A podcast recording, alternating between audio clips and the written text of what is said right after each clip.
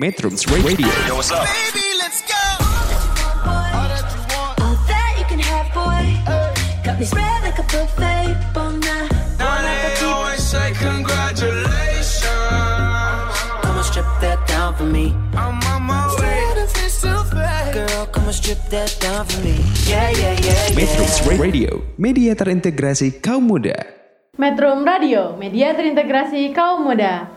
Assalamualaikum warahmatullahi wabarakatuh. Salam sejahtera bagi kita semua. Shalom, Om Swastiastu, Namo Buddhaya, salam kebajikan.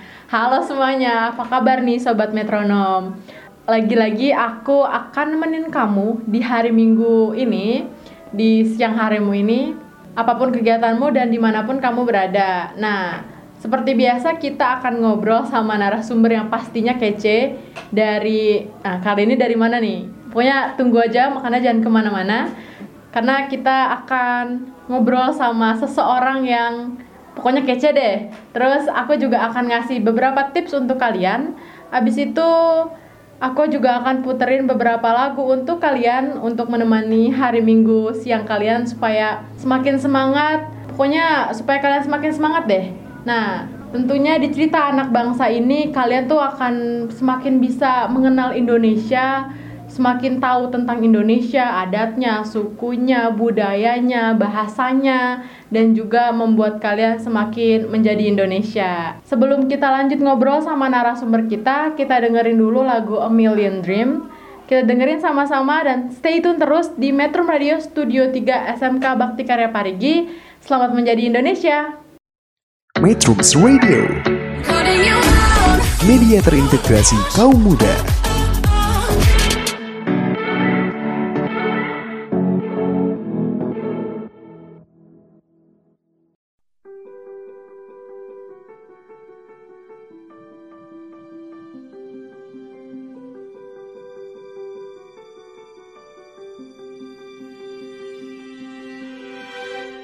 Close my eyes and I can see a world that's waiting up for me that I call my own. Through the dark, through the door, through where no one's been before, but it feels like home. They can say, they can say it all sounds crazy. Say I've lost my mind. I don't care, I don't care, so call me crazy. We can live in a world that we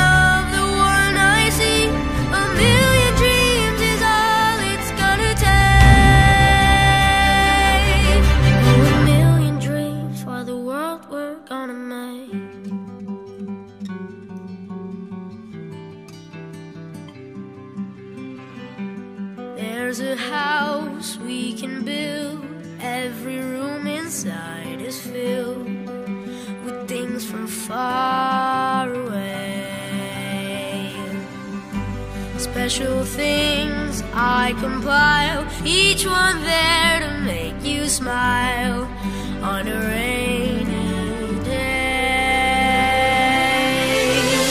They can say, they can say it all sounds crazy. They can say, they can say we've lost our minds. I don't care, I don't care if they call us crazy. Run away to a world that we design. Every night I lie in bed, the brightest colors fill my head. A million dreams keeping me awake. I think of what the world could be, a vision of the one I see. A million dreams is all it's gonna take. For the world we're gonna make. However big, however small, let me be part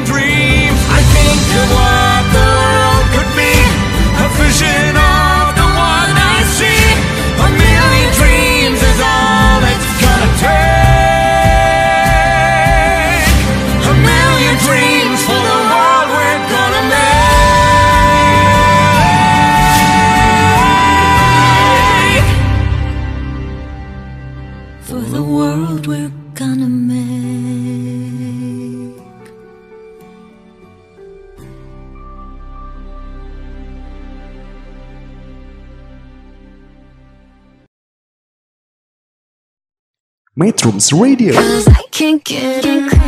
media terintegrasi kaum muda. Metrum Radio, media terintegrasi kaum muda. Oke, balik lagi sama aku Welin yang kece dan setia nemeni kamu setiap hari Minggu. Oke. Nah, tanpa basa-basi langsung aja kita kenalan sama narasumber kita karena kayaknya kamu nih udah penasaran. Kita tuh bakal ngobrol sama siapa minggu ini. Oke, kita langsung aja persilahkan narasumber kita untuk memperkenalkan dirinya. Perkenalkan, nama saya Melda Meiresa. Saya berasal dari Sulawesi Tenggara. Melda Meiresa dari Sulawesi, Sulawesi. Tenggara. Ini dipanggilnya Melda atau Meiresa nih? Melda. Melda. Panggil Meiresa boleh nggak? Enggak, Melda aja. Kenapa nggak boleh? Kan nama depannya Melda. Oke, jadi jadi kita aku kamu nggak boleh panggil dia Meiresa, panggilnya Melda. Melda. Oke, apa kabar nih Melda? Baik. Baik. Melda tadi dari Sulawesi, Sulawesi Tenggara. Lebih tepatnya di mana? Di Kabupaten Konawe. Kabupaten Konawe. Kalau dalam peta kan Sulawesi bentuknya huruf K tuh. K. Nah, itu ada di sebelah mananya sih? Eh, kan ada huruf pe- peta Sulawesi Tenggara itu bentuknya huruf K. Oke. Jadi Sulawesi Tenggara itu di bagian ujung paling paling mana? Kanan. Paling kiri. Paling kiri. Kiri. Oke, jadi kakinya, kakinya yang paling kiri atau gimana? Kakinya yang paling kanan. Kakinya yang paling Paling kanan. kanan. Tapi ada di ujung kiri. Ujung kiri. Oke, jadi deket laut berarti ya? Atau enggak? Kalau di bagian Kabupaten Konawe nggak deket laut. Enggak deket laut, di pegunungan gitu dia? Ya, bagian Oke, pegunungan. jadi tadi tadi di Sulawesi Tenggara, Kabupaten Konawe. Melda ini berapa bersaudara sih? Eh, aku tiga bersaudara. Tiga bersaudara. Kamu anak ke Aku anak pertama. anak pertama, berarti kamu kakak dong? Iya. Punya adik nih. Punya adik. Adiknya udah besar atau masih kecil-kecil? Eh, satu udah besar, SD kelas 6. Oke. Kalau yang satunya masih bayi. Masih bayi. Bayi. Oh, adiknya Melda nih ditinggal sama kakaknya. Nanti kalau kamu pulang dia nggak kenal kamu gimana? Nggak tahu juga gimana Nggak tahu ceritanya. juga. Oh, bi- bisa video callan kan ya? Nah, Oke, tiap hari. sekarang kita bisa video callan. Oh, tiap hari. Hampir. Hampir tiap hari. Mungkin kamu sobat metronom kalau pisah sama keluarga atau sama temen juga kayak Melda hampir tiap hari video callan supaya nggak lupa adanya muka kakaknya gimana. Oke oke oke. Kamu berarti kamu anak pertama kan, anak Iya. pertama dan anak pertama juga yang merantau. Ya. ah. Em, sebelum kita bahas gimana ceritanya Melda bisa merantau, aku mau tanya dulu kegiatan kamu selama di sana. Selama di mana tadi? Di Kabupaten Kabupaten Konawe. Nah, Konawe. Selama kamu di Sulawesi itu kamu aktivitas sehari-harinya ngapain aja? Kan eh, nama tempatku tuh Desa Lalonggatu. Lalonggatu. Lalonggatu. Eh, sehari-hari di rumah tuh biasa aja kegiatan sehari-harinya tuh pulang sekolah tinggal di rumah kalau bukan main HP tuh eh, jalan terus balik lagi ke rumah aktivitas biasa nggak ada aktivitas lain yang dibuat Jalan nih, maksudnya jalan nih? jalan-jalan. Jalannya jalan-jalannya jalan atau jalan-jalannya naik kendaraan? Eh, biasa naik jalan-jalan jalan kaki. Jalan kaki. Oke, terus biasa naik motor. Oke, jadi Ke- biasa nih jalan kaki atau naik motor? naik motor. Oke, oke. Jadi biasa gitu ya jalan-jalan, main HP. Oke. Em, hobi kamu pasti punya hobi kan? Punya. Nah, apa nih hobi seorang Melda Eh, Miresa? Kalau hobi aku tuh bola voli. Bola voli. Bola voli. Berarti aktivitasmu nih setiap pulang sekolah atau di sekolah suka main bola voli dong? Kalau di sekolah bola voli, kalau pulang ke rumah kadang kadang main bola voli, kadang enggak. Kenapa kadang main kadang enggak? Eh, soalnya di desaku tuh dibilang eh, penduduknya tuh masih sedikit. Anak-anak kayak aku aja Oh. besarnya tuh Oke, Sedikit. jadi kamu baru bisa ketemu sama teman-teman yang seumuran kamu di Di kampung sekolah. sebelah. Oh, jadi sekolahmu di kampung di sebelah. kampung sebelah. Oke. Kalau rumah aku kan tuh di Kecamatan Puriala. Heeh. Kalau sekolahku tuh di Kecamatan Lambuya. Jadi beda Di beda kecamatan. kecamatan. Oke, menarik nih. Jadi kita langsung tanya aja ke Melda eh, riwayat sekolahnya dari SD sampai eh mungkin kalau kamu TK ya TK, TK-nya di mana, SD-nya, terus SMP-nya. Eh, kalau aku TK itu di Desa Meraka. Desa Meraka itu nama TK-nya TK Dharma Wanita Morini. Oh, jadi tuh perempuan semua tuh yang di dalam situ atau Enggak, enggak? ada cowok juga. Oke, kirain perempuan semua Cuman nama Dharma TK-nya Wanita. aja yang Dharma Wanita. Oke. SD-nya SD-nya di SDN 1 Meraka. Meraka itu Meraka. beda desa juga. Beda desa. Oke, SMP-nya tadi SMP-nya di SMPN 1 Lambuya. itu beda kecamatan. Beda kecamatan. Oke, jadi emang jauh ya. Jauh. Tapi ada nggak sekolah di di desamu di kecamatanmu tuh ada nggak?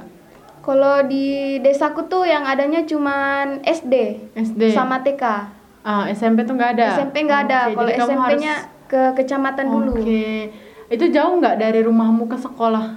Jauh ngelewatin berapa kampung ya?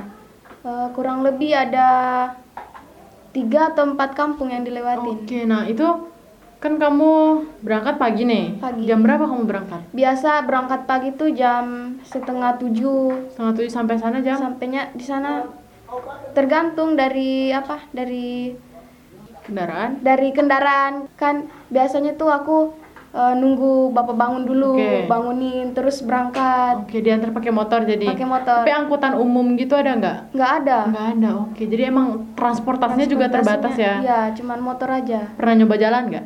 Jalan kaki. Heeh. K- Kalau pulang sekolah sih pernah nyobain, Oke. tapi nggak nyampe nggak nyampe di rumah. Kenapa? Cuman setengah jalan aja terus datang jemputan. Oke, Eh, capek nggak? Udah setengah jalan capek nggak? Capek? Butuh waktu berapa lama itu? Nggak tahu berapa lama ya, tapi lama. Sendiri atau sama teman? Sama teman-teman. Oh kirain sendiri udah kalau udah sendiri kan udah sendiri jalan jauh harus ditemenin. Oke oke.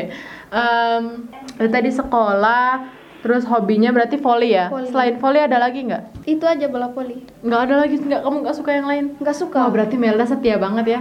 Kayak aku yang setia nemenin kamu. Iya. Jadi em, Melda ini cuman hobinya cuman volley. Bola voli. Oke, berarti kamu suka ikut lomba-lomba volley turnamen gitu nggak? Eh, belum pernah ikut, cuman kalau apa eh, pertandingan di sekolah Oke, ikut. emang nggak ikut nih karena emang nggak ikut atau emang nggak ada akses untuk ikut? Nggak ada aksesnya buat ikut. Oh alah, Di sana pun kalau ada pertandingan bola voli itu paling yang orang tuanya oh alah. Jadi untuk yang anak-anak muda emang Anak-anak belum muda banyak, belum banyak ada. Oke, jadi sebenarnya kalau kayak gini, kamu terkesan terhambat nggak hobimu? iya Karena kan biasanya orang kalau eh, hobi sesuatu, suka sesuatu, itu dia maunya ikutan lomba supaya mengasah, biar dia tahu kemampuannya sampai mana kan. Oke, jadi hobinya Melda itu volley. Nah, kalau kamu suka volley, kamu bisa datang ke Bakti Karya untuk sparring bareng sama Melda. Mau nggak? mau Oh jago loh si Melda ini. jago banget ya. Kayaknya paling jago deh di Bakti Karya. Iya atau iya? Enggak Iya atau iya enggak? Oke, itu tadi profil singkatnya Melda Miresa. Benar kan? benar Tapi panggilan Melda aja. Melda. Profil singkatnya Melda, kita akan lanjut lagi ngobrol sama Melda. Tapi sebelum itu, kita dengerin dulu lagunya Versa Bersari, judulnya Celengan Rindu. Stay tune terus di Metro Radio Studio 3 SMK Bakti Karya Parigi untuk denger keseruan ceritanya Melda dan selamat menjadi Indonesia. Metrums Radio, media terintegrasi kaum muda.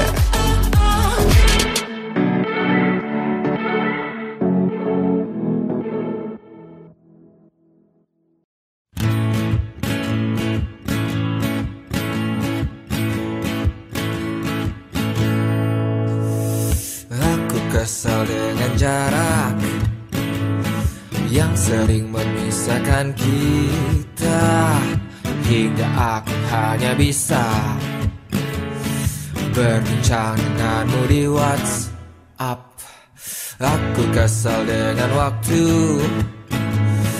Yang tak pernah berhenti bergerak. Barang sejenak Agar ku bisa menikmati tawamu. Ingin ku berdiri di sebelahmu Menggenggam erat jari-jarimu. Mendengarkan lagu Sheila on Seven. Seperti waktu itu. Saat kau di sisiku. Dan tunggulah aku di sana.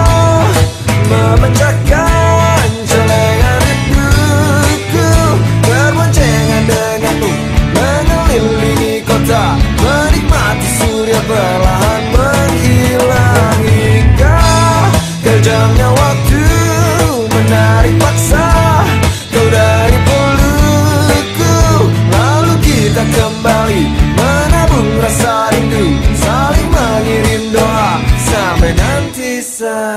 Jangan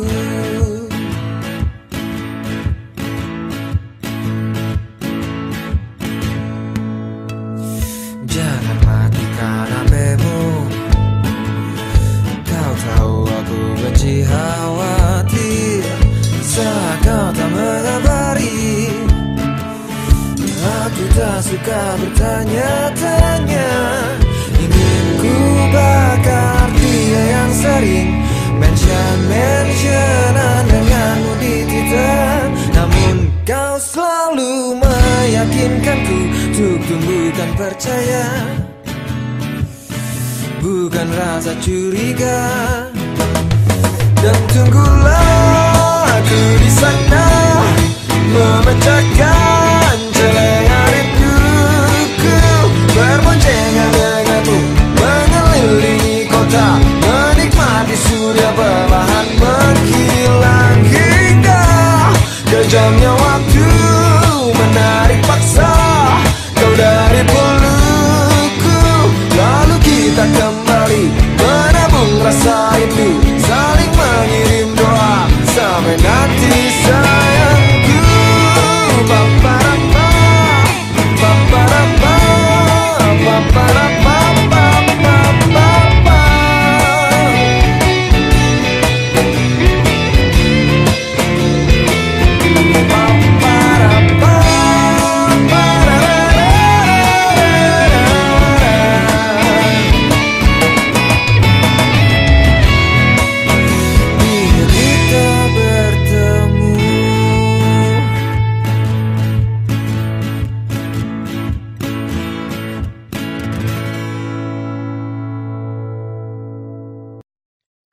Metrums Radio, media terintegrasi kaum muda. Metro Radio, media terintegrasi kaum muda. Masih ba ah, masih bersama aku Welin dan juga Melda, tapi kali ini aku akan ngasih sebelum kita ngobrol sama Melda nih, aku akan kasih kalian tips dulu. Nah, mengingat sekarang itu udah masuk bulan November dan udah mulai masuk musim hujan, jadi ada pepatah yang bilang sedia payung sebelum hujan. Nah, kali ini aku akan ngasih tips untuk menghadapi musim hujan. Em, saking mungkin karena hujan awal-awal itu biasanya suka bawa karena kandungan asam di hujan ketika awal-awal itu tinggi maka suka bawa penyakit untuk kita maka kita harus siap dan menyiapkan diri untuk menghadapi hujan ini tapi harus disyukuri juga ya hujannya Yang pertama, selalu membawa payung ataupun jas hujan. Nah, kayak pepatah tadi, sedia payung sebelum hujan. Karena kita nggak tahu hujannya bakal kapan, jam berapa, di mana, detik keberapa, menit keberapa. Maka bawalah payung ataupun jas hujan ke mana pun kamu berada. Supaya kamu nggak sakit. Karena aku akan khawatir kalau kamu sakit. Oke oke. Yang kedua adalah mengonsumsi makanan yang sehat. Ini udah pasti banget ya. Karena musim hujan kan eh, dingin-dingin panas gitu hawanya. Jadi konsumsi sayuran, buah-buahan supaya kandungan gizi dan juga daya tahan tubuh kita lebih kuat untuk menghadapi musim hujan. Yang ketiga, minum air sebanyak mungkin. Nah, karena musim hujan itu sebenarnya bukan cuman musim panas yang mengakibatkan dehidrasi, tapi musim hujan juga eh, mengakibatkan dehidrasi. Jadi, jangan lupa minum secukupnya. Bisa juga kalian minum infused water supaya menambah daya tahan tubuh. Bisa pakai lemon, jeruk, stroberi, pokoknya untuk menjaga daya tahan tubuh kita. Yang keempat, jaga kebersihan lingkungan. Kalau musim hujan nih biasanya tuh suka jember gitu dan eh, menyebabkan sarang nyamuk, apalagi kalau ada genangan-genangan. Wah, itu udah itu udah rumahnya nyamuk banget tuh. Makanya kalau udah udah selesai hujan, kalau ada air yang menggenang ataupun air yang di tempat-tempat em, botol atau bak air itu segera dibersihkan takutnya menjadi sarang nyamuk dan malah berakibat penyakit untuk kita sendiri. Yang kelima, perbanyak asupan vitamin C. Ini tadi perbanyakan asup perbanyak asupan vitamin C untuk menambah kekebalan tubuh kita menghadapi musim hujan ini. Yang keenam, mandi setelah kehujanan. Jadi ketika kamu udah kehujanan, itu langsunglah buru-buru mandi. Meskipun mungkin dingin ya, karena itu tadi hujan mengandung asam. Jadi kalau kita nggak buru-buru mandi ya bisa jadi penyakit untuk kita sendiri. Dan yang terakhir gunakan pakaian hangat, tentunya supaya hangat. Jadi eh, bawa mantel ke mana pun kamu pergi, takutnya kan ya kedinginan terus kena flu, terus pilek dan ini bisa mengganggu aktivitas ataupun hobi kamu. Jadi aku harap kamu sobat metronom tetap menjaga kesehatanmu di musim hujan ini. Semoga aku, kamu, dan juga semua orang tetap menjaga kesehatannya dan tetap sehat selalu. Itu tips dari aku untuk minggu ini. Setelah ini kita akan lanjut ngobrol lagi bareng Melda. Tapi sebelum itu kita dengerin dulu lagunya Jonas Brother judulnya Sucker. Stay tune terus di Metro Radio Studio 3 SMK Bakti Karya Parigi dan selamat menjadi Indonesia. Metrums Radio, media terintegrasi kaum muda.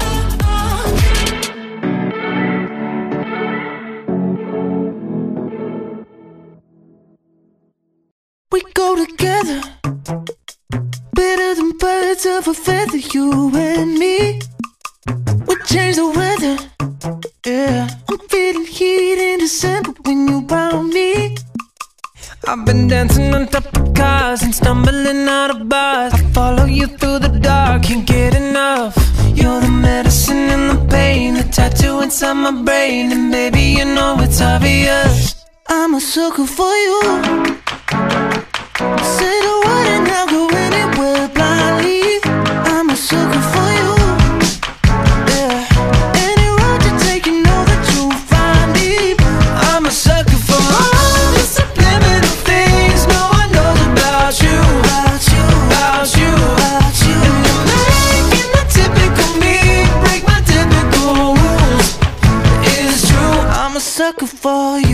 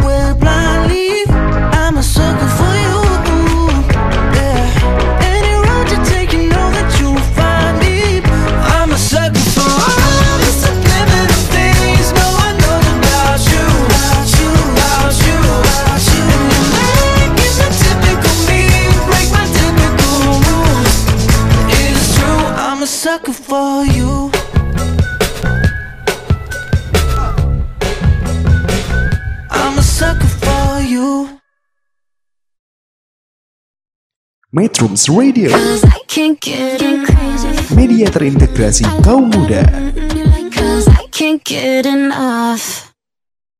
Metro Radio, media terintegrasi kaum muda. Kembali lagi sama aku Welin dan juga Melda. Nah, tanpa lama-lama kita langsung aja ngobrol lagi sama Melda. Kali ini kita akan ngobrolin pengalamannya Melda selama di Sulawesi Tenggara. Nah, kamu mau ditanya atau mau menceritakan sendiri? Hmm, ditanya aja. Oh ditanya. Oke, jadi aku aku dan sobat metronom pengen tahu cerita menarik kamu selama di Sulawesi Tenggara. Bebas nih, mau senang, mau sedih, mau terharu gitu kan. mau mau eh, menakutkan atau pokoknya pengalaman atau cerita yang berkesan banget buat kamu dan kamu selalu inget itu dan bahkan sampai sekarang kamu inget itu. Kalau pengalaman yang berkesan tuh eh, mungkin dari nggak netap di satu rumah. nggak netap di satu, Di satu rumah. rumah. Maksudnya gimana nih? Eh, misal aku kan tuh eh, SD-nya kan tinggal eh, dari kecil tinggal di rumah mama. Oke. Terus pas SD kelas 3 pindah di rumah nenek. Tinggal di rumah nenek tuh sampai kelas antara kelas 5 SD sampai 6 SD. Oke, jadi tuh kamu berarti nggak serumah sama mamamu dong? Enggak, Oke, berarti tiga tahun kamu kepisah sama mamamu. Kepisah. Tapi itu de- masih dekat kan? masih, Masih. Oke. bersebelahan kampung. Oke, terus? Pas kelas 5 SD Heeh. pulang ke rumah, ke rumah mama, tinggal lagi di situ. Terus eh, masuk SMP, masuk SMP tuh pas kelas 8 balik lagi ke rumah nenek Oke, tinggal. ini sebenarnya terus pindah lagi nggak setelah itu?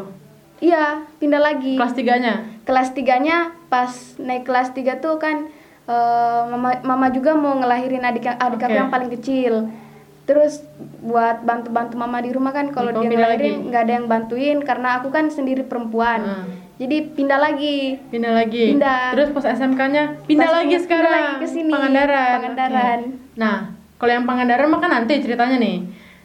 Sebel kenapa alasan kamu pindah dari rumah orang tuamu ke rumah nenekmu, pindah lagi, pindah lagi? Eh, alasan yang pertamanya tuh kan sekolah aku beda kampung Oke. kalau aku tinggal di rumah nenek tuh sekolahku jadi satu kampung sama sekolah itu Oke, jadi lebih lebih dekat dekat, ya, lebih dekat. lebih dekat. Terus eh, alasan keduanya tuh kalau di kampung aku kan eh, nggak ada nggak ada anak-anak yang sebesar aku Oke. waktu itu. Ada, cuman lebih kecil dari aku. Jadi kamu merasa kesepian Eh, gitu. kesepian. Oh, Biasa pulang dari sekolah itu langsung masuk rumah karena mau keluar juga nggak ada teman. Oke, jadi eh, itu ada lagi nggak alasannya? Eh, mungkin alasannya cuman itu. Itu, oke. Nah, em, tapi kamu nyaman dengan itu pindah-pindah selama Sebenarnya sih nggak nyaman juga, soalnya kan ribet. Oke. Dari pindahin barang ke sini terus eh, tiba-tiba pindah lagi. pindah lagi. Kamu sempat kayak ngerasa capek nggak? Aduh capek nih pindah terus. Enggak juga. Enggak juga. Cuman emang ribet aja ya, ribet, Ribet. karena pindahin barang lagi, pindahin barang lagi. Tapi kamu sedih nggak kepisah sama mamamu? Eh, pertamanya sih sedih, tapi cuman udah berapa kali balik terus pindah Lagi, lagi. lama-lama, ya. Lama-lama nggak Ya udah juga lah ya. lagi. Oke, jadi mungkin kalau kalian ingat Taslim. Taslim ini juga dari Sulawesi. Mungkin teman-teman kita ya di Sulawesi ini suka pindah-pindah ya, nomaden. Kalau temenku tuh ada satu bilang dia dari Makassar, dia bilang kalau orang Sulawesi itu harus kayak kapal pinisi. Kamu pernah dengar? Pernah. Oke, berarti emang emang kayak gitu. Nah, itu gimana apa itu kapal pinisi nanti aja lah tahan dulu kepo kamu karena mungkin bisa kita tanyain ke Melda tapi emang teman-teman kita yang dari Sulawesi ini suka pindah-pindah ya. Nggak Taslim sekarang Melda. Mungkin ke depannya kalau kamu dengar-dengar lagi juga suka pindah-pindah. Asal nggak pindah ke lain hati aja. Iya.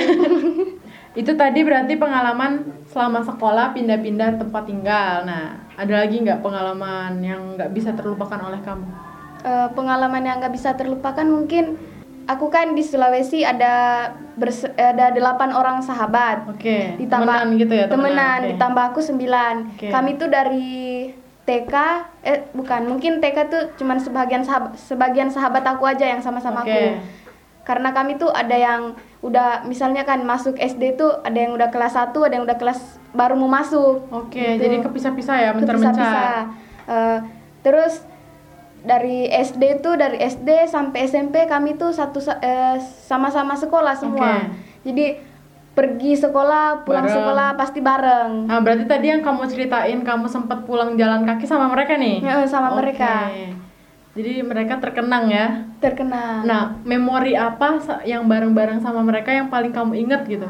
Eh, yang paling aku ingat itu yang apa ya? Eh, mungkin pas mau ke sini. Mau ke sini. Mau ke sini. Ada apa nih ketika kamu mau ke sini? Eh, malamnya tuh kan pas eh, udah ada informasi kalau aku sekolahnya di sini kan terus temen-temen tuh semua pada itu pada ngechat WA kan Heeh. pada bilang katanya "Eh, emang bener mau ke sini Heeh. Terus bilang iya bener terus bilang oh sebelum pergi ketemu dulu katanya Oke. ketemu dulu malamnya kan kami aku kan di sini dari Sulawesi berdua sama-sama Padilla Oke. Kam- Padilla juga tuh sahabat aku, Oke. kami bersembilan.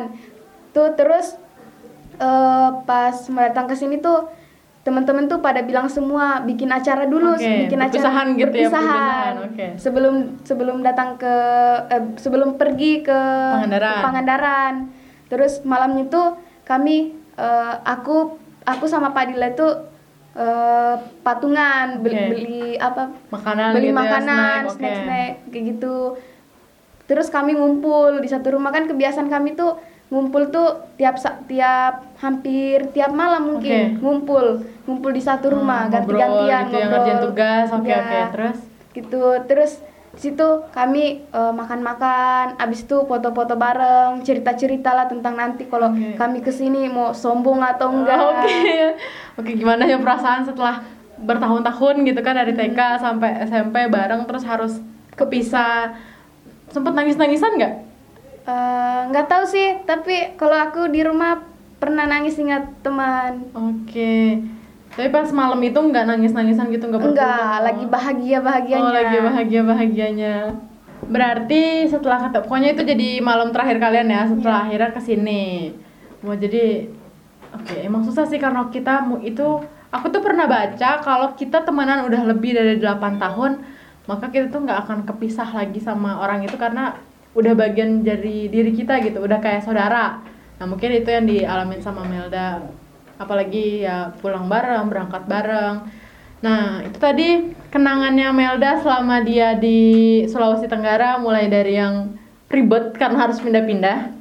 Terus mulai dari yang ya terharu ya karena kalau kita pergi meninggalkan daerah kita pasti ada orang yang harus kita tinggalkan kan. Nah, Melda juga harus ninggalin keluarganya, teman-temannya juga yang nemenin dia dari kecil sampai akhirnya udah gede gitu kan. Terus ke Pangandaran, tapi pasti kamu masih selalu ingat kan sama Masih. teman-teman? Masih kontak-kontakan juga? masih Oke, setiap hari? hampir Pastilah ya. Eh, sebelum kita lanjut ngobrol lagi sama Melda, kita dengerin dulu lagunya Efek Rumah Kaca, judulnya Sebelah Mata. Stay tune terus di Metro Radio Studio 3 SMK Bakti Karya Parigi dan selamat menjadi Indonesia. Metrums Radio, media terintegrasi kaum muda.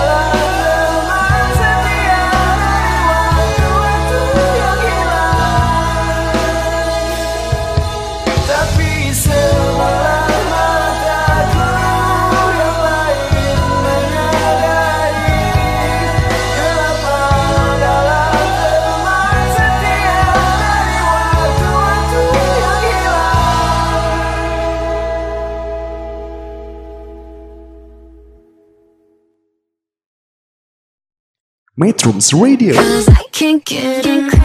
media terintegrasi kaum muda. Metro Radio, media terintegrasi kaum muda. Masih sama aku Welin dan juga Melda yang yang setia menemani hari Minggumu ini. Dan kita akan lanjut lagi ngobrol sama Melda setelah kita tahu profilnya, pengalamannya yang tadi mengharukan karena harus meninggalkan sahabat tercinta. Enggak alay banget ya. Oke, kali ini kita akan menginterogasi Melda seputar pengalamannya dia setelah datang ke SMK Bakti Karya Parigi. Pertama, gimana reaksi kamu ketika pertama kali sampai di sini? Atau tunggu tunggu, mungkin pas di perjalanan kan kamu ketemu sama teman-temanmu kan? Nah itu gimana tuh? Eh, pertamanya kan tuh kami dari Sulawesi Sulawesi Tenggara tuh udah pas sampai di bandara kan cuman berdua Kamu sama Padila sama tuh? Padila. Oke. Terus pas sampai di bandara tuh eh, kami berapa lama nunggu ternyata udah di, lam- udah lama juga ditungguin. Oke, Tempat kami tuh berdiri tuh berdekatan sama yang jemput. oke, Terus eh, ketemu ada ada ada dari ada yang dari Jambi juga Oke. yang udah udah nunggu datang duluan. Terus kami sama-sama sama-sama tuh di bandara. Ya nunggu yang lain juga. nunggu yang lain juga. Nah, terus kan lama-lama ngumpul tuh kan, ngumpul, ngumpul. semuanya. Ada, kamu tau nggak kira-kira waktu itu ada berapa orang? Ada berapa orang ya? Lebih dari 10? Mungkin ya lebih Oke. dari 10. Nah, itu kan beda daerah semua tuh. Beda. Gimana reaksimu dan perasaanmu ketemu? Itu kan pasti mungkin belum ngobrol-ngobrol ya. Itu gimana tuh? Kaget. Kaget.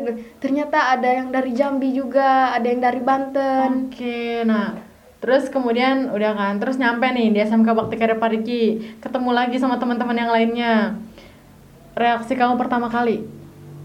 Pertama kalinya tuh kan pas nyampe di asrama tuh pas ngeliat rame banyak orang, banyak orang terus eh, pas ngeliat ada yang dari Papua, ada yang dari Papua. Oke. Kan sebelumnya tuh pas di bandara sebelum kan kami Ketemunya di bandara? ketemunya di bandara ketemu di bandara tuh malamnya tuh eh, ada yang dari Papua juga Oke. datang Eh, pas malam tuh eh, teman aku yang dari Jambi tuh kan iya. kami udah kenalan udah akrab ngomong sama-sama pas Oke. yang tuh nungguin teman-teman lain Ah. terus kami kan sama-sama jalan temanku yang dari Jambi tuh megangin tasku dia Oke. bantuin Oke. bantuin terus kami jalan yang teman-teman dari Papua juga udah datang terus dari yang teman dari Jambi tuh ngebisikin aku katanya Oke. dia bilang "Eh, hati-hati jangan itu jangan ngomong sama orang Papua Oke. katanya katanya mereka itu eh, kalau apa ibaratnya sering salah paham Oke. langsung itu katanya langsung Oke. mukul Oke, padahal mungkin yang dari awal yang salah paham temanmu yang dari Jambi, Dari ya? Jambi. Udah salah paham duluan, padahal belum kenal. belum kenal padahal Oke. pas dia habis ngomong kayak gitu kan aku langsung ngeliat ngeliat sama sama tem- teman-teman dari Papua yang aku lihat tuh perempuan satu orang Hmm. Oke. namanya Friska Oke. pas aku ngeliat dia aku kira kan aku lihat dia tuh dia balik juga ngeliat aku jadi aku takut aku senyumin aja Oke. ternyata pas aku senyum dia juga senyum Oke, senyumnya manis. senyum manis Oke oke, jadi dari awal udah udah salah paham ya, udah salah paham, udah takut duluan. Padahal belum kenalan udah takut duluan. Nih emang biasa sih kita kayak gini. Eh, berarti itu pas pertama kali ketemu Pertama ya. kali ketemu. Terus kan udah bareng-bareng. Nah, kamu betah nggak awalnya di sini? awalnya nggak betah Nggak betah. Nggak betahnya nih gimana nih? Eh, awalnya nggak betah kan pas nyampe asrama pas nyampe di asrama putri ngelihat disuruh naik ke atas kan ngelihat kamar terus bilang, oh ternyata kayak gini terus pas sampai tuh nanya-nanya eh, sekolahnya di mana sekolahnya di mana terus ada alumni Hah? bilang katanya sekolahnya kalau mau cepat jalannya Lewat lewat sawah. lewat sawah belakang Oke. belakang asrama terus aku langsung mikir langsung bilang hai gimana sekolahnya ini ya Eh, kenapa kenapa letaknya di belakang Ah, kan oke, terus? kan kalau di kampung tuh eh, Sekolah bangunannya tinggi sekolahnya bangunannya gitu. tinggi terus banyak Oke. Jadi sekedar informasi buat kamu sobat metronom yang belum pernah ke SMK Bakti Karya. SMK Bakti Karya itu sekolahnya ada di tengah-tengah sawah, kebun suuk. Kalau orang Sunda bilang tuh suuk ya, sebu- kebun kacang. Jadi sekolah kami tuh, sekolah kita tuh ada di tengah-tengah ya Mel ya. Tengah-tengah, tengah-tengah kebun tapi iya emang nggak be- nggak besar sih nggak tingkat nggak oh, pokoknya nggak megah lah tapi kami nyaman nggak Melda Nyaman. Oh, nyaman oh sebelum kita tahu kenapa si Melda bisa nyaman lanjut dulu yang tadi berarti kamu awalnya sempat kayak ngerasa "Oh, kok sekolahnya ada di belakang gitu ya Belakang. oke terus apa yang bikin kamu nyaman setelah itu Setelah itu eh, terus kita tuh kenal-kenalan Oke. sama eh, sama anak-anak Teman-teman. teman sama teman-teman yang dari luar pulau juga Oke. yang datang sekolah di sini. Kenalan terus berapa hari berbaur bersama-sama. Ternyata seru. ternyata seru Seru. sekarang udah nemu serunya udah betah udah nyaman Udah nyaman. Kalau mau nyaman itu kenalan dulu. kalau kamu mau nyaman kamu harus kenalan dulu. Nah, kan kayak tadi kamu udah kenalan sama temen-temenmu yang di luar pulau dan juga yang di, di Pulau Jawa nih, karena kamu kan sekarang tinggal di Pulau Jawa, bukan di Sulawesi lagi. Em, pasti kan datang dari latar belakang yang beda-beda, budaya beda-beda. Nah, ada nggak pengalaman kamu yang nih dalam hal beda budaya? hal beda budaya ada sih eh, misalnya misalnya eh, di sini kan kalau di di apa di suku Sunda kalau ngomongnya kan rata-rata halus lembut halus, lembut. nada bicaranya lembut Oke. gitu terus kalau kami di Sulawesi Tenggara kan dari bahasanya aja udah ngomongnya nyaring Oke. udah ngomongnya nyaring terus keras tapi padahal artinya itu nggak nggak nggak nggak nggak seperti nggak yang seperti, di se- nggak seperti cara ngomongnya gitu. Iya. ngomongnya biasa aja. Biasa aja. Karena emang udah biasa di sana. Nah kamu ketika ngelihat teman-temanmu yang dari suku Sunda cara ngomongnya halus pelan gitu sempet bingung nggak? Bingung juga sempet bingung lah. Terus ngerasa "Nah, oh kok berbeda ya? Ternyata Oke. berbeda. Aku kira sama semua. Terus tapi eh, lama kelamaan ngerti juga kalau ini cara ngomongnya di sini itu harus eh, lem- lemah lembut. Oke. Jadi untuk yang belum tahu cara ngomongnya Melda pakai bahasanya gimana tunggu di sesi terakhir karena kita akan ngobrol bahasa bareng Melda. Tapi sebelum itu kita lanjut dulu. Eh, tadi kan pengalaman dalam hal berbudaya nih. Berbudaya. nah selain beda budaya beda latar belakang beda suku di sini kan juga beda agama nih. Agama. nah ada nggak pengalamanmu dalam hal ini? Ada eh, kan tiap malam tuh ngaji oke tiap malam kan ngaji jadi kan ngajinya tuh satu tempat satu Hmm. tempat tapi yang non muslim juga ngajinya sama di tempat itu Oke, jadi kamu muslim, kamu Muslim, ngaji. ngaji. Mereka kan ibadah Ha-ha. satu tempat, tapi mungkin cuma tembok aja yang Oke. memisahkan. Oke, asik. kayak ini banget ya, kisah-kisah cinta gitu ya. enggak enggak kayak kisah-kisah gimana gitu, dibataskan oleh tembok. Iya. Oke, lanjut lanjut. Terus eh, pas aku kira tuh tempat ibadahnya untuk non Muslim juga berbeda, Oke. ternyata sama. Terus ngerasain ngaji bareng kan, aku pikir tempat ibadahnya agama Kristen tuh di eh, berbeda tempat Oke. juga, ternyata disatuin. Cuman beda cuman Beda ruangan beda gitu? ruangan aja Oke. terus ngera- eh, baru pertama kali per- ngerasa ibadah bareng-bareng maksudnya eh, yang satu tempat gitu satu ya, satu tempat. tempat. Awalnya kamu bingung nggak?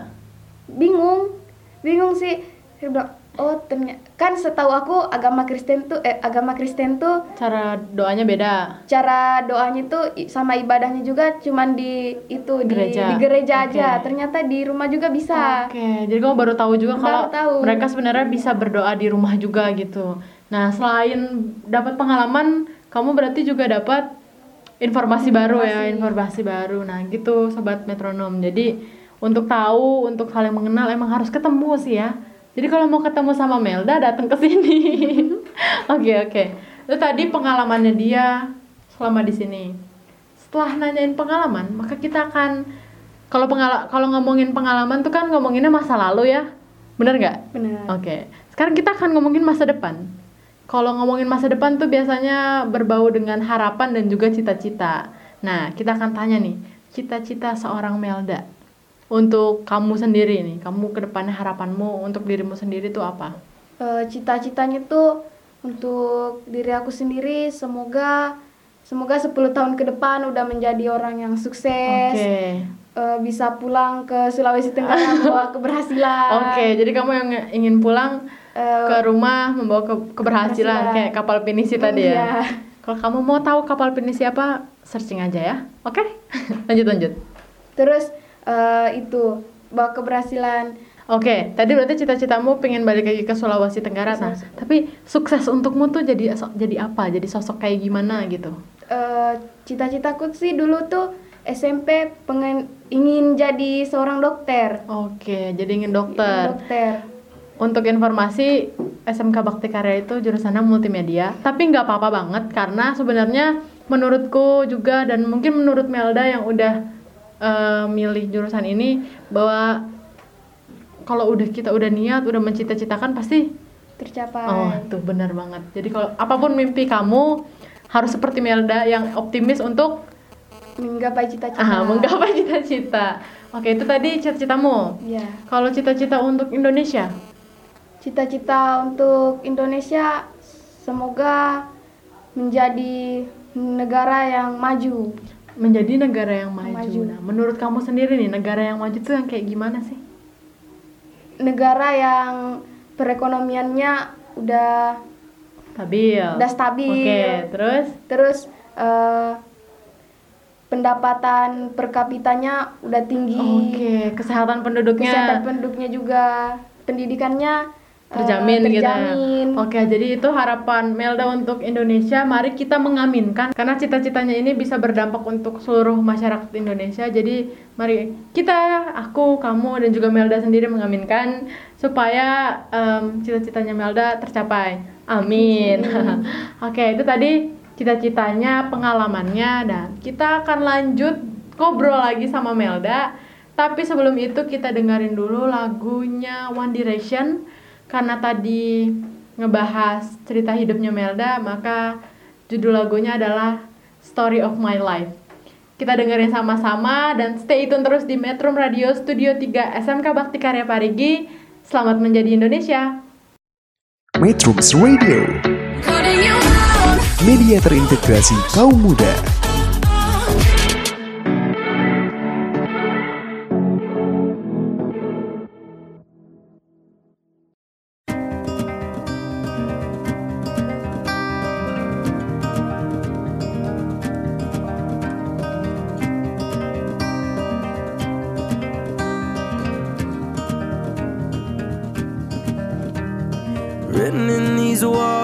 Stories that I can't explain.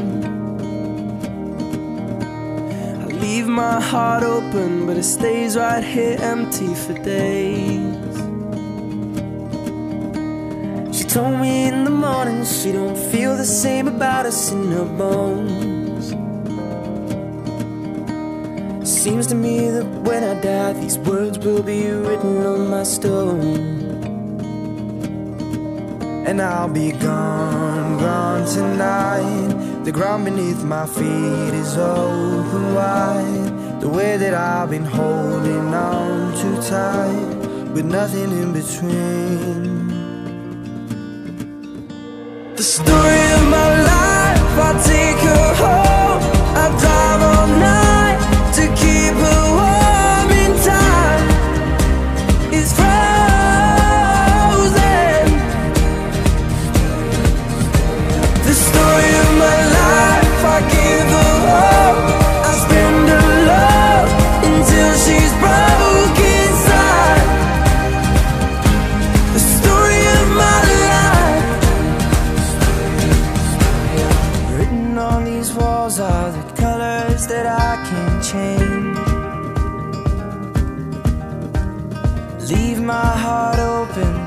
Stays right here in its cage. I know that in the morning now, see us in the light upon the hill. Although I am broken, my heart is untamed still. And I'll be gone, gone tonight. Fire beneath my feet is burning bright. I've been holding on so tight, with nothing in between. The story of my life, I'll take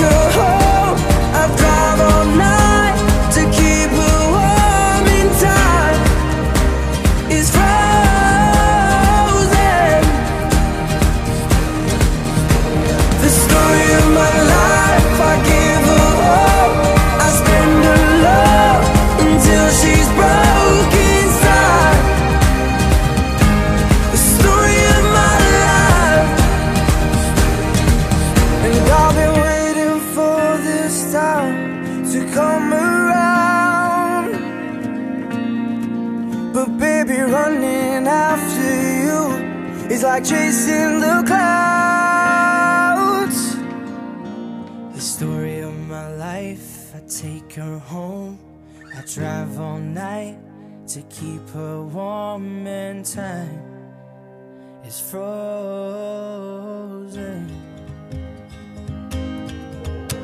The story of my life, I give her love. I spend her love until she's broken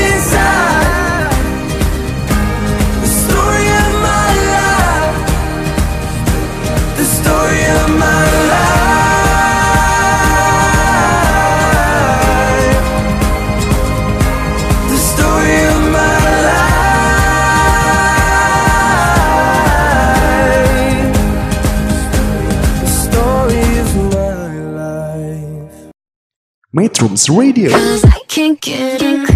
media terintegrasi kaum muda. Metro Radio, media terintegrasi kaum muda. Oke, seperti biasa di segmen terakhir ini kita akan belajar bahasa. Kali ini kita akan belajar bahasa Tunggu, kamu dari suku apa? Suku Tolaki. Suku Tolaki. Bahasanya bahasa Tolaki. Nah, kali ini kita akan belajar bahasa Tolaki dari suku Tolaki dan suku Tolaki ini ada di Sulawesi Tenggara. Kira-kira gitulah ya. Di minggu lalu aku udah bilang kalau misalnya em, ada penurunan penggunaan bahasa daerah di Indonesia. Makanya mari kita belajar bahasa suku Tolaki agar bahasa ini eh, bisa kita lestarikan bareng-bareng. Mau ngajarin nggak? Tapi ini tunggu dulu, kita tanya dulu. Melda mau ngajarin nggak? Mau. Oh mau, mau banget mau aja. Mau banget. Mau banget. Oke, kita langsung aja tanya ke Melda. Seperti biasa, kita akan mulai dari perkenalan. Memperkenalkan diri dalam bahasa Tolaki. Contohnya, halo nama saya Melda, asal saya dari Sulawesi Tenggara. Senang bertemu dengan kamu. Itu gimana? Eh, halo, perkenalkan Tamonggu Melda Meiresa, inaku Ari i Sulawesi Tenggara. Inaku moko ehe ehe dahunggu, depo suai gomiu, Oke, jadi gitu perkenalan dalam bahasa tolaki. Tolaki. Boleh sekali lagi mungkin kamu sobat metronom mau mencatat nih ya, tapi Melda ngomongnya kecepatan. Sekali lagi deh, sekali lagi. Perkenalkan Tamonggu Melda Meiresa, inaku Ari i Sulawesi Tenggara. Moko ehe ehe dahunggu, depo suai gomiu luwakono, Oke, jadi begitu cara memperkenalkan diri menggunakan bahasa tolaki. Tolaki. Itu tadi memperkenalkan diri. Jadi kalau kamu main ke tempat Melda, kamu mau memperkenalkan diri pakai cara yang tadi. Oke?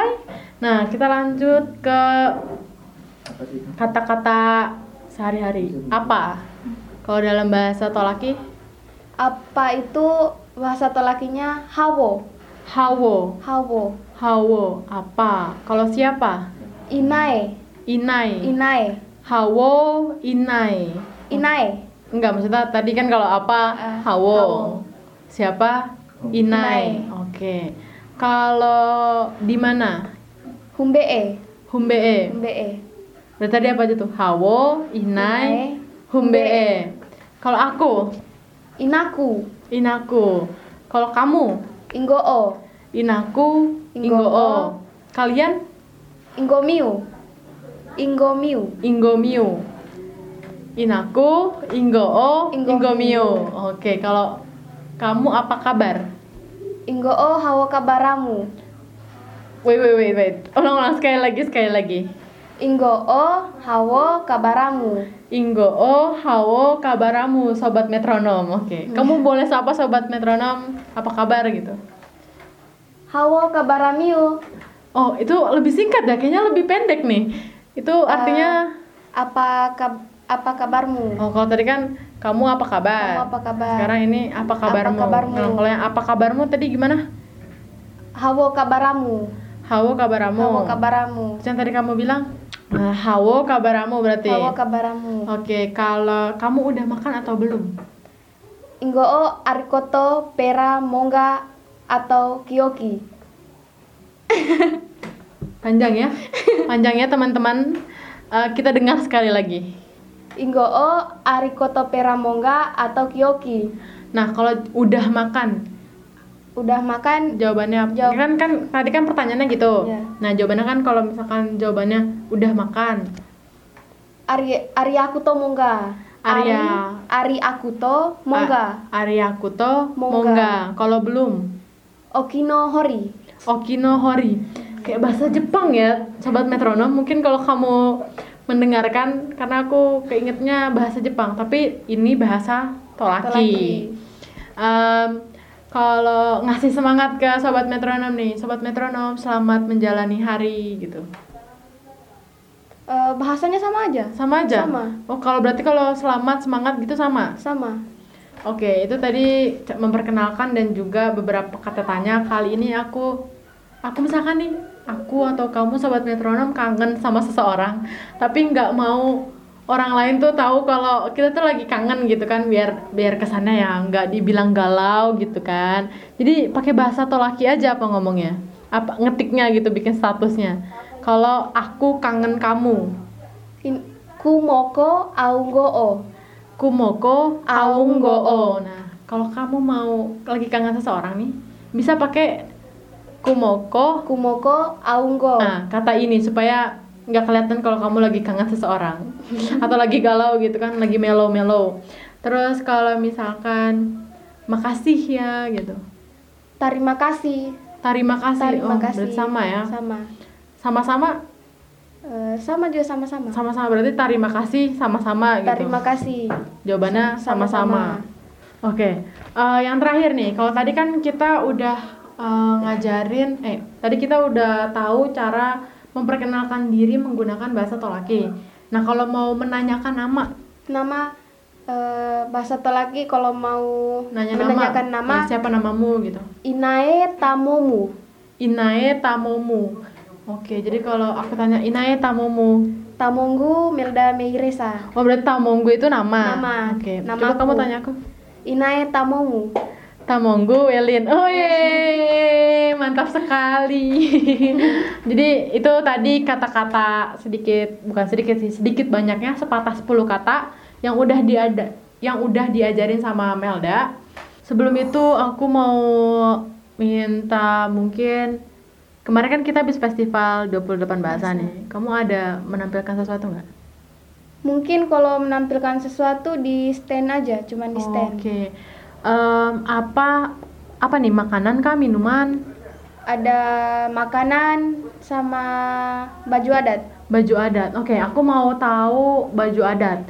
Jadi kalau di Tolaki di suku Tolaki ini baju adatnya kayak gimana?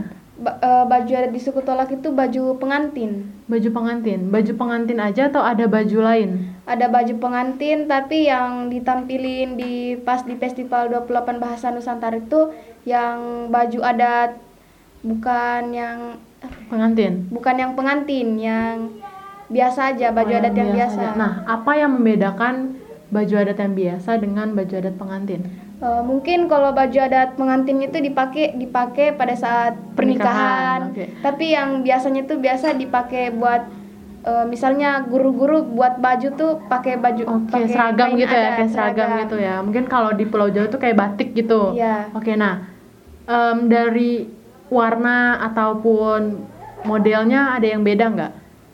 Eh, kalau dari mungkin dari itu dari motif tenunnya. Oh, motif tenunnya lebih banyakan yang untuk nikah ataupun yang atau yang biasa. Lebih ba- lebih banyak yang buat nikah. Nah, biasanya motifnya itu motif apa?